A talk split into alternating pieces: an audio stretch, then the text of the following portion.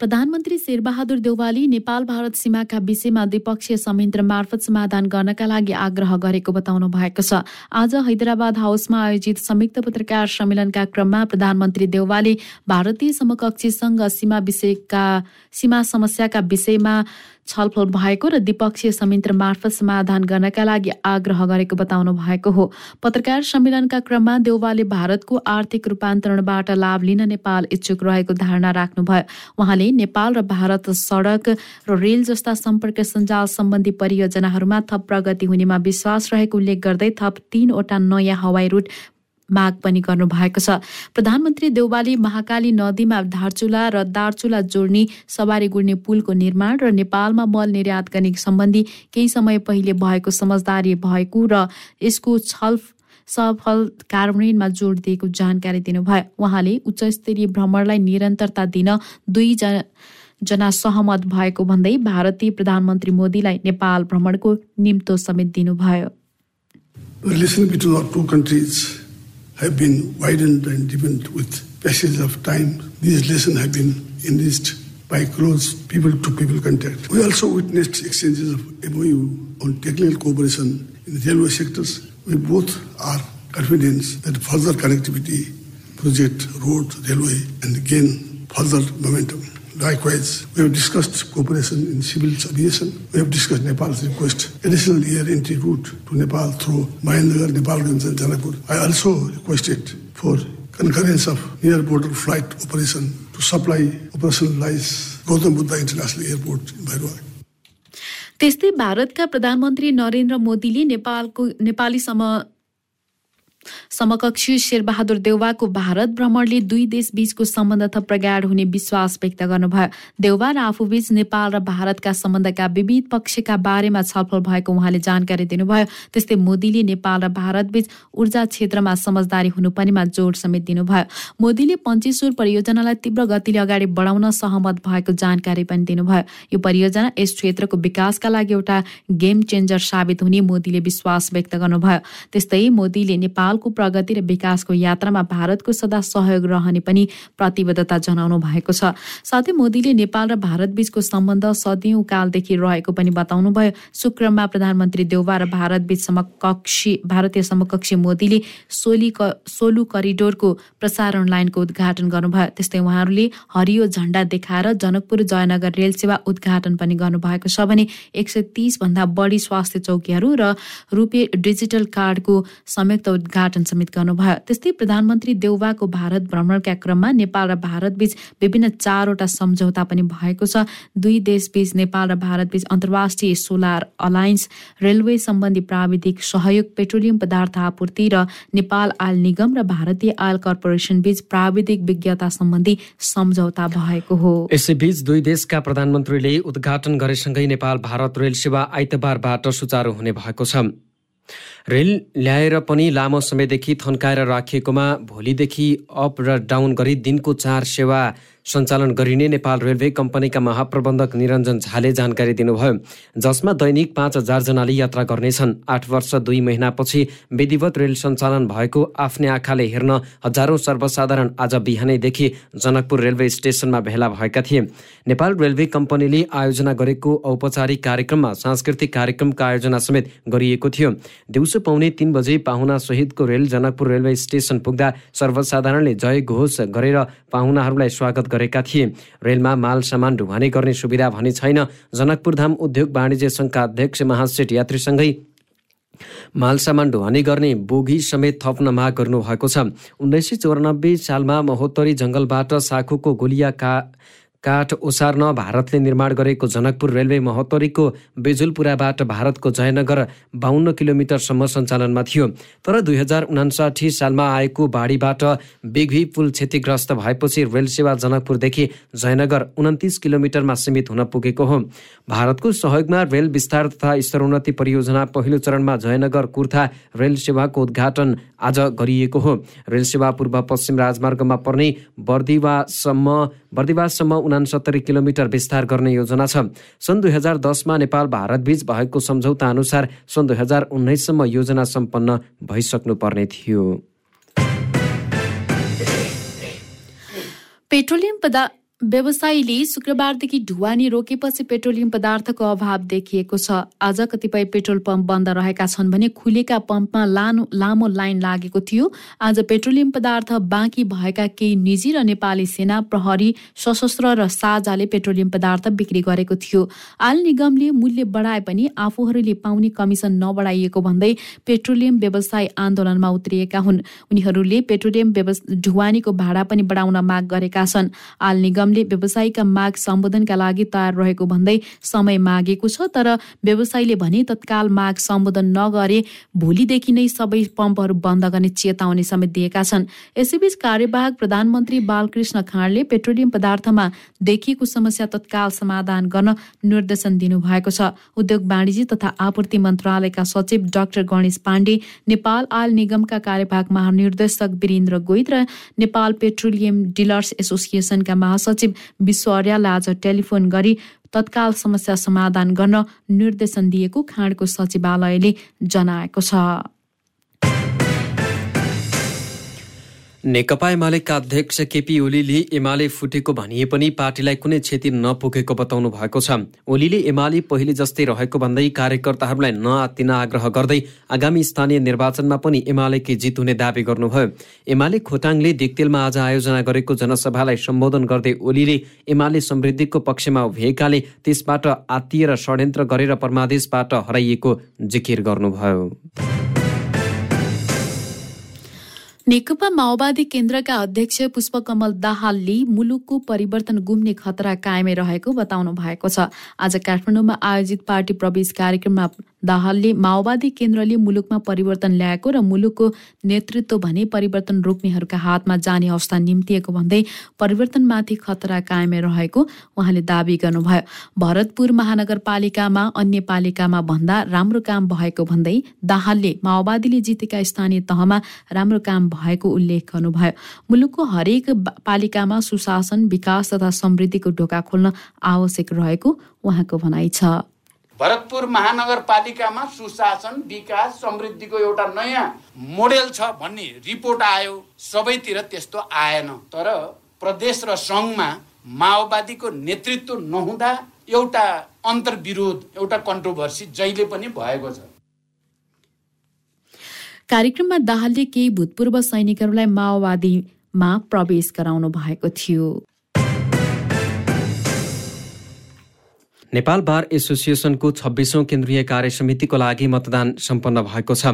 मतदानका लागि बिहान आठ बजेबाट चार बजेसम्मको समय तोकिएको थियो। निर्वाचन समितिका अनुसार केही स्थानमा भने मतदान सकिएको छ। बारको नयाँ कार्य समितिका लागि प्रगतिशील तथा पेसागत कानुन व्यवसाय समूह र वृहत लोकतान्त्रिक प्रगतिशील समावेशी तथा पेसागत कानुन व्यवसाय समूहबीच नेतृत्वका लागि प्रतिस्पर्धा छ। दुई समूहमध्ये प्रगतिशील तथा पेसागत कानुन व्यवसाय समूहको नेतृत्व वरिष्ठ अधिवक्ता विष्णुमणि अधिकारी र वृहत लोकतान्त्रिक प्रगतिशील समावेशी तथा पेसागत कानुन व्यवसाय समूहको नेतृत्व गोपाल कृष्ण घिमिरेले गर्नुभएको छ। बारको निर्वाचनका लागि देशभरिका पैँतिस ठाउँबाट एकसाथ भएको हो। बारका अध्यक्षसहित एघार पदाधिकारी र सदस्यहरू गरी पच्चिसजनाको कार्य समितिका लागि चुनाव भएको हो। बारको निर्वाचनमा नौ हजार सात सय आठजना अधिवक्ता मतदाता छन्। जसमध्ये काठमाडौँ उपत्यकामा पाँच हजार सात सय र उपत्यका बाहिर तिन हजार पाँच सयजना रहेका छन्। यसैबीच निर्वाचनको मतपरिणाम आउन तिन दिन लाग्ने भएको छ। निर्वाचन समितिका अनुसार मतदान सम्पन्न भइसकेपछि देशभरका मतपेटिकाहरू काठमाडौँ ल्याइनेछ। त्यसपछि मतगणना सुरु हुने सुरु हुने मत सुरु हुने हुनाले परिणाम आउन करिब तिन दिन लाग्ने अनुमान गरिएको पनि प्रमुख निर्वाचन अधिकृत उस मल्ल पाठकले बताउनुभयो। अछामको बलात्कार घटनाको फैसला विरुद्ध आज माइती घर मण्डलामा प्रदर्शन गरिएको छ। अछाम जिल्ला अदालतले किशोरी बलात्कारको मुद्दामा गरेको फैसला त्रुटिपूर्ण र खेदजनक रहेको भन्दै उक्त फैसलाको विरोधमा प्रतिरोध जनअधिकार आन्दोलनले प्रदर्शन गरेको हो। माइतीघरमा अपराह चार बजेदेखि सुरु भएको विरोध प्रदर्शनमा अधिकारकर्मी तथा लेखक संहिता श्रोता बन्धु विक्रम छेत्री अञ्जन बाबु लगायत अभियन्ता सहभागी रहेका थिए। अछामको कमल बजारकी उन्नाइस वर्षीय किशोरीले आफूलाई बिहेको प्रलोभनमा पारी बलात्कार गरेको भन्दै न्याय माग्न अदालतमा जाँदा स्वयं किशोरीलाई नै दोषी ठहर गरी अछाम जिल्ला अदालतले साढे तीन वर्षको जेल सजाय सुनाएको थियो। कैलालीको अत्तरियामा स्थित पद्मा अस्पतालमा उपचारको क्रममा बिरामीको मृत्यु भएपछि आक्रोशित स्थानीयले तोडफोड गरेका छन्। शुक्रबार साँझ स्वास्थ्यमा समस्या देखिएपछि भर्ना गरिएका गोदावरी नगरपालिका तिनका अडतिस वर्षीय विनोद बोहराको उपचारका क्रममा शनिबार मृत्यु भएपछि स्थानीयले अस्पतालमा तोडफोड गरेका हुन्। स्थानीयले चिकित्सकले लापरवाही गरेका कारण मृत्यु भएको भन्दै कारवाहीको माग गर्दै प्रदर्शन गरेका हुन्। जिल्ला प्रहरी कार्यालयका प्रवक्ता प्रहरी नायब उपरीक्षक डिएसपी वेदप्रकाश जोशीले आक्रोशित स्थानीयले ढुङ्गामुडा गरेपछि अस्पताल भवनका सिसा फुटेको एम्बुलेन्स र भ्यानमा समेत क्षति पुगेको जानकारी दिनुभयो। शिक्षक सेवा आयोगको परीक्षा पास गराइदिने भन्दै परीक्षार्थीबाट लाखौं रकम असुल्ने युवा फरार भएका छन्। कालीकोट गेला निवासी जगत शाहीले आयोगका पदाधिकारी र कर्मचारीसँग सेटिङ मिलाएर पास गराउने भन्दै परीक्षार्थीबाट साठी लाख भन्दा बढी रकम असुलेर फरार भएका हुन्। पन्ध्र गतेबाट सुरु भएको शिक्षक सेवा आयोगको परीक्षामा पास गरिदिने भन्दै प्रति व्यक्ति दुई लाखका डरले रकम उठाएर उनी फरार भएका हुन्। पछिल्लो चौबिस घण्टामा नेपालमा थप एघारजनामा कोरोना संक्रमण पुष्टि भएको छ। देशभर गरिएको दुई हजार त्रियासी पिसिआर परीक्षणका क्रममा दसजना र एक हजार दुई सय सतहत्तर एन्टिजेन परीक्षणका क्रममा एकजनामा कोरोना संक्रमण पुष्टि भएको हो। आज नब्बेजना संक्रमित संक्रमण मुक्त भएका छन्। हाल नेपालमा नौ सय एकचालिस सक्रिय संक्रमित आइसोलेसनमा रहेको स्वास्थ्य मन्त्रालयले जनाएको छ। इस्लाम धर्मावलम्बीहरूको महान पर्व रमजान भोलिदेखि सुरु हुने भएको छ। गएको वर्षमा नयाँ वर्षसँगै रोजा पर्व सुरु भएको थियो। यो पर्वमा एक महिनाभर मुस्लिम समुदायले बिहान सूर्योदय हुनु अघिदेखि सूर्यास्त नभएसम्म पानी समेत नखाई निराहार बस्ने गरिन्छ। उर्दू क्यालेन्डर अनुसार बिहान चार पन्ध्र बजेबाट बेलुका छ बिस बजेसम्म निराहार बस्नुलाई रोजा भनिन्छ। रोजाको समय दैनिक सूर्य उदाउने र अस्ताउने समयसँगै समय तालिका पनि परिवर्तन भइरहन्छ। रोजा बस्न बिहान तोकिएको समय अगावै र बेलुका तोकिएको समयपछि आहार लिने गर्दछन्। रमजान उर्दू क्यालेन्डर अनुसार हिजरी सम्भत चौध सय त्रिचालिस हो भने रमजान महिना नौ महिना हो। रमजान महिनामा नै मुसलमान को सबैभन्दा ठुलो ग्रन्थ कुरान अवतरण भएको हो भने यो महिनामा अल्लाहको कृतज्ञता प्राप्त हुने विश्वास लिएको छ। नेकपा एमालेको पर्सा जिल्ला कमिटिका अध्यक्षमा जयप्रकाश थारू चयन हुनुभएको छ। नेकपा एमाले पर्साको आठौं जिल्ला अधिवेशनले थारूको अध्यक्षतामा एक सय पैँतिस सदस्यीय कमिटिको नाम सार्वजनिक गरेको हो। बन्द सत्रमा एमालेका केन्द्रीय सदस्य एवं पर्सा जिल्ला इन्चार्ज प्रभु हराज हजराले जिल्ला कमिटी पदाधिकारी र सदस्यहरूको नाम सार्वजनिक गर्नुभएको थियो। नेवार समुदायको चाड अन्तर्गत पाहा चढेको तेस्रो दिन आज असन जात्रा धुमधामका साथ मनाइएको छ। हरेक वर्ष घोडी जात्राको भोलिपल्ट तीन अजिमा अर्थात् लुमधी अजिमा कङ्घ अजिमा र तिबहाल अजिमालाई आआफ्नो ठाउँबाट बाजा सहितको टोलीले खट जात्रा गरी असन पुर्याएर जात्रा मनाउने परम्परा छ। तीन ठाउँबाट आएका अझिमा असनमा भेला गराई एक आपसमा घुमाइन्छ। यस क्रममा तीन दिदी बहिनीको रथ ठोक्याउने नभई एक अर्कालाई आदर र सम्मान गरिन्छ। जसमा दियो सहितको चिलाक साटासाट गरिन्छ।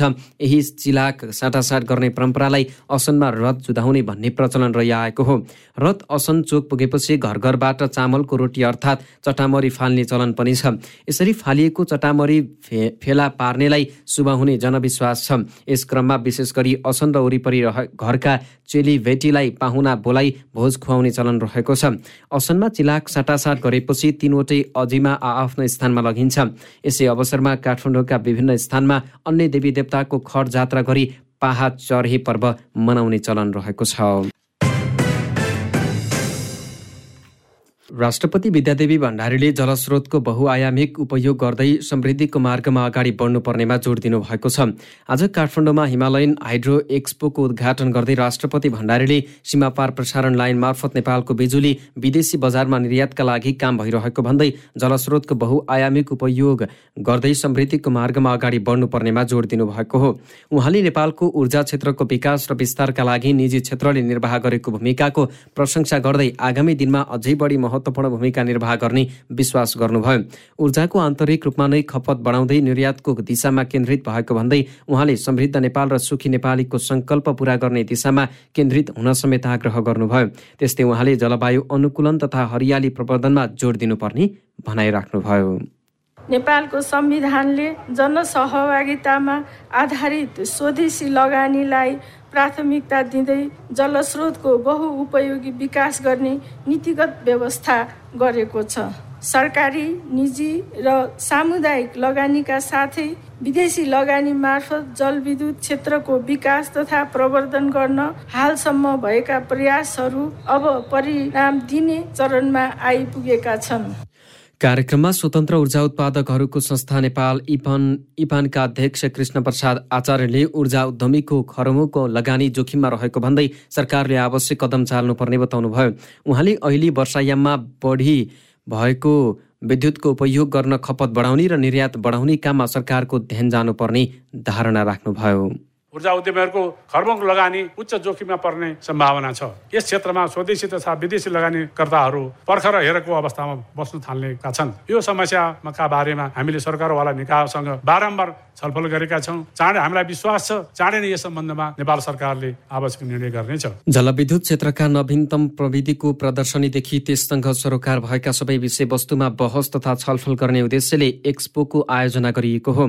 एक्सपो तिन दिनसम्म सञ्चालन हुने बताइएको छ। हाइड्रो पावर निर्माता हाइड्रो पावर सामान उत्पादक डिजाइनर सप्लायर लगानीकर्ता लगायतको सहभागिता रहेको छ।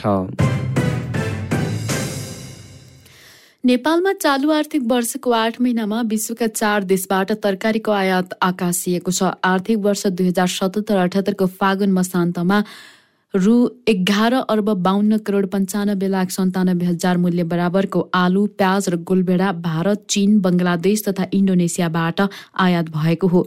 सबैभन्दा धेरै आलु भारतबाट छ अर्ब छप्पन्न करोड छयालिस लाख त्रिचालिस हजार र बङ्गलादेशबाट चौबिस करोड एक्कासी लाख उन्साठी हजार गरी कुल छ अर्ब एक्कासी करोड अठाइस लाख दुई हजार मूल्य बराबर भारतबाट पच्चिस करोड एकासी लाख बत्तीस हजार आठ सय सतासी र बङ्गलादेशबाट एक करोड छयालिस लाख अडतिस हजार आठ सय किलो आलु आयात भएको छ। सोही अवधिमा चार अर्ब तिस करोड चौन्न लाख उन्चालिस हजार मूल्यको प्याज भारत र चीनबाट आयात भएको छ। भारतबाट एघार करोड पचपन्न लाख बत्तीस हजार छ सय सतासी किलो र चीनबाट तिहत्तर हजार छ सय अस्सी किलो प्याज आयात भएको हो। क्यान्डेट न्युजमा अब अन्तर्राष्ट्रिय समाचार। भारतले डे अहेड मार्केट प्रणालीबाट इन्डियन इनर्जी एक्सचेन्ज आइइएक्समा खरिद बिक्री हुने विद्युतको अधिकतम मूल्य सीमा प्रति युनिट भारु बाह्र रुपियाँ तोकेको छ। भारतको केन्द्रीय विद्युत विनियामक आयोग सेन्ट्रल इलेक्ट्रोसिटी रेगुलेटरी कमिसनले पावर मार्केट रेगुलेसन दुई हजार एक्काइस संशोधन गर्दै आइइएक्समा खरिद बिक्री हुने बिजुलीको सिलिङ घटाएको हो। यसअघि यस्तो सीमा अधिकतम भारू बिस रुपियाँसम्म थियो। अर्थात् आइइएक्समा अधिकतम प्रति युनिट भारू बिस रुपियाँसम्ममा बिजुली किन्नका लागि प्रस्ताव हाल्न पाइन्थ्यो। तर बिजुली माग धेरै रहेको र आपूर्ति निकै कम भएपछि उच्च दरमै खरिदका लागि प्रस्ताव आउन थालेको र अस्वस्थ प्रतिस्पर्धा बढेको भन्दै उक्त सिलिङ घटाइएको भारतको केन्द्रीय विद्युत विनियामक आयोगले जनाएको छ। चरम आर्थिक सङ्कटपछि सङ्कटकालको घोषणा गरेको श्रीलङ्काले देशव्यापी कर्फ्यू समेत जारी गरेको छ। स्थानीय समयअनुसार आज साँझ छ बजेबाट सुरु हुने कर्फ्यू सोमबार बिहान छ बजेसम्मका लागि हुने भनेर सरकारले सूचना जारी गरेको विभागले जनाएको छ। गत बिहिबार भएको हिंसात्मक झडपले श्रीलङ्काको अवस्था थप कष्टकर बनाएको जनाइएको छ। त्यसै घटनालाई आधार बनाएर सरकारले सङ्कटकालको घोषणा गरेको थियो। सङ्कटकाल लगाएपछि भोलिदेखि देशका विभिन्न स्थानमा प्रदर्शनको तयारी भएको जानकारी पाए लगतै श्रीलङ्का सरकारले कर्फ्यूको समेत आदेश जारी गरेको हो। चर्को आर्थिक सङ्कटकाबाट गुज्रिरहेको मुलुकमा थप राजनैतिक तनावको अवस्था आएपछि यस्तो निर्णय भएको जनाइएको छ। क्यान्डेट न्युजमा अब खेलकुदका समाचार। त्रिकोणात्मक टी ट्वेन्टी सिरिजमा नेपाल अविजित रहँदै फाइनलमा पुगेको छ। काठमाडौँको कृतिपुर स्थित रुपी अन्तर्राष्ट्रिय क्रिकेट मैदानमा आज भएको खेलमा नेपालले मलेसियालाई पचासी रनले पराजित गरेको छ। दुई सय चौबिस रनको लक्ष्यमा जवाफी ब्याटिङ गरेको मलेसिया उन्नाइस ओभर पाँच बलमा समेटियो। मलेसियालाई सस्तैमा समेट्न नेपालका सन्दीप लामिछानेले तीन र कमल एरी तथा दिपेन्द्र सिंह ऐरीले दुई दुई विकेट लिए। पहिले ब्याटिङ गरेको नेपालले निर्धारित ओभरमा पाँच विकेट गुमाएर दुई सय तेइस रन बनायो बनायो नेपालका लागि दिपेन्द्र सिंह ऐरीले नट आउट एक सय दस रन र रोहित पौडेलले एकाउन्न रन बनाए। उपाधिका लागि नेपाल र पिएनजी सोमबार आम्ने सामने हुनेछन्।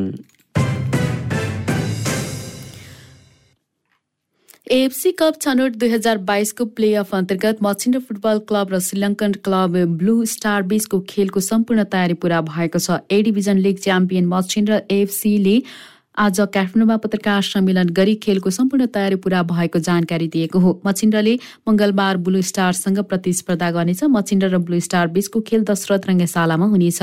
मचिन्द्रले खेलको टिकट दर एक हजार र पाँच सय राखेको छ। भिआइपीतर्फ एक हजार र सामान्यतर्फ पाँच सयको टिकट दर राखिएको हो।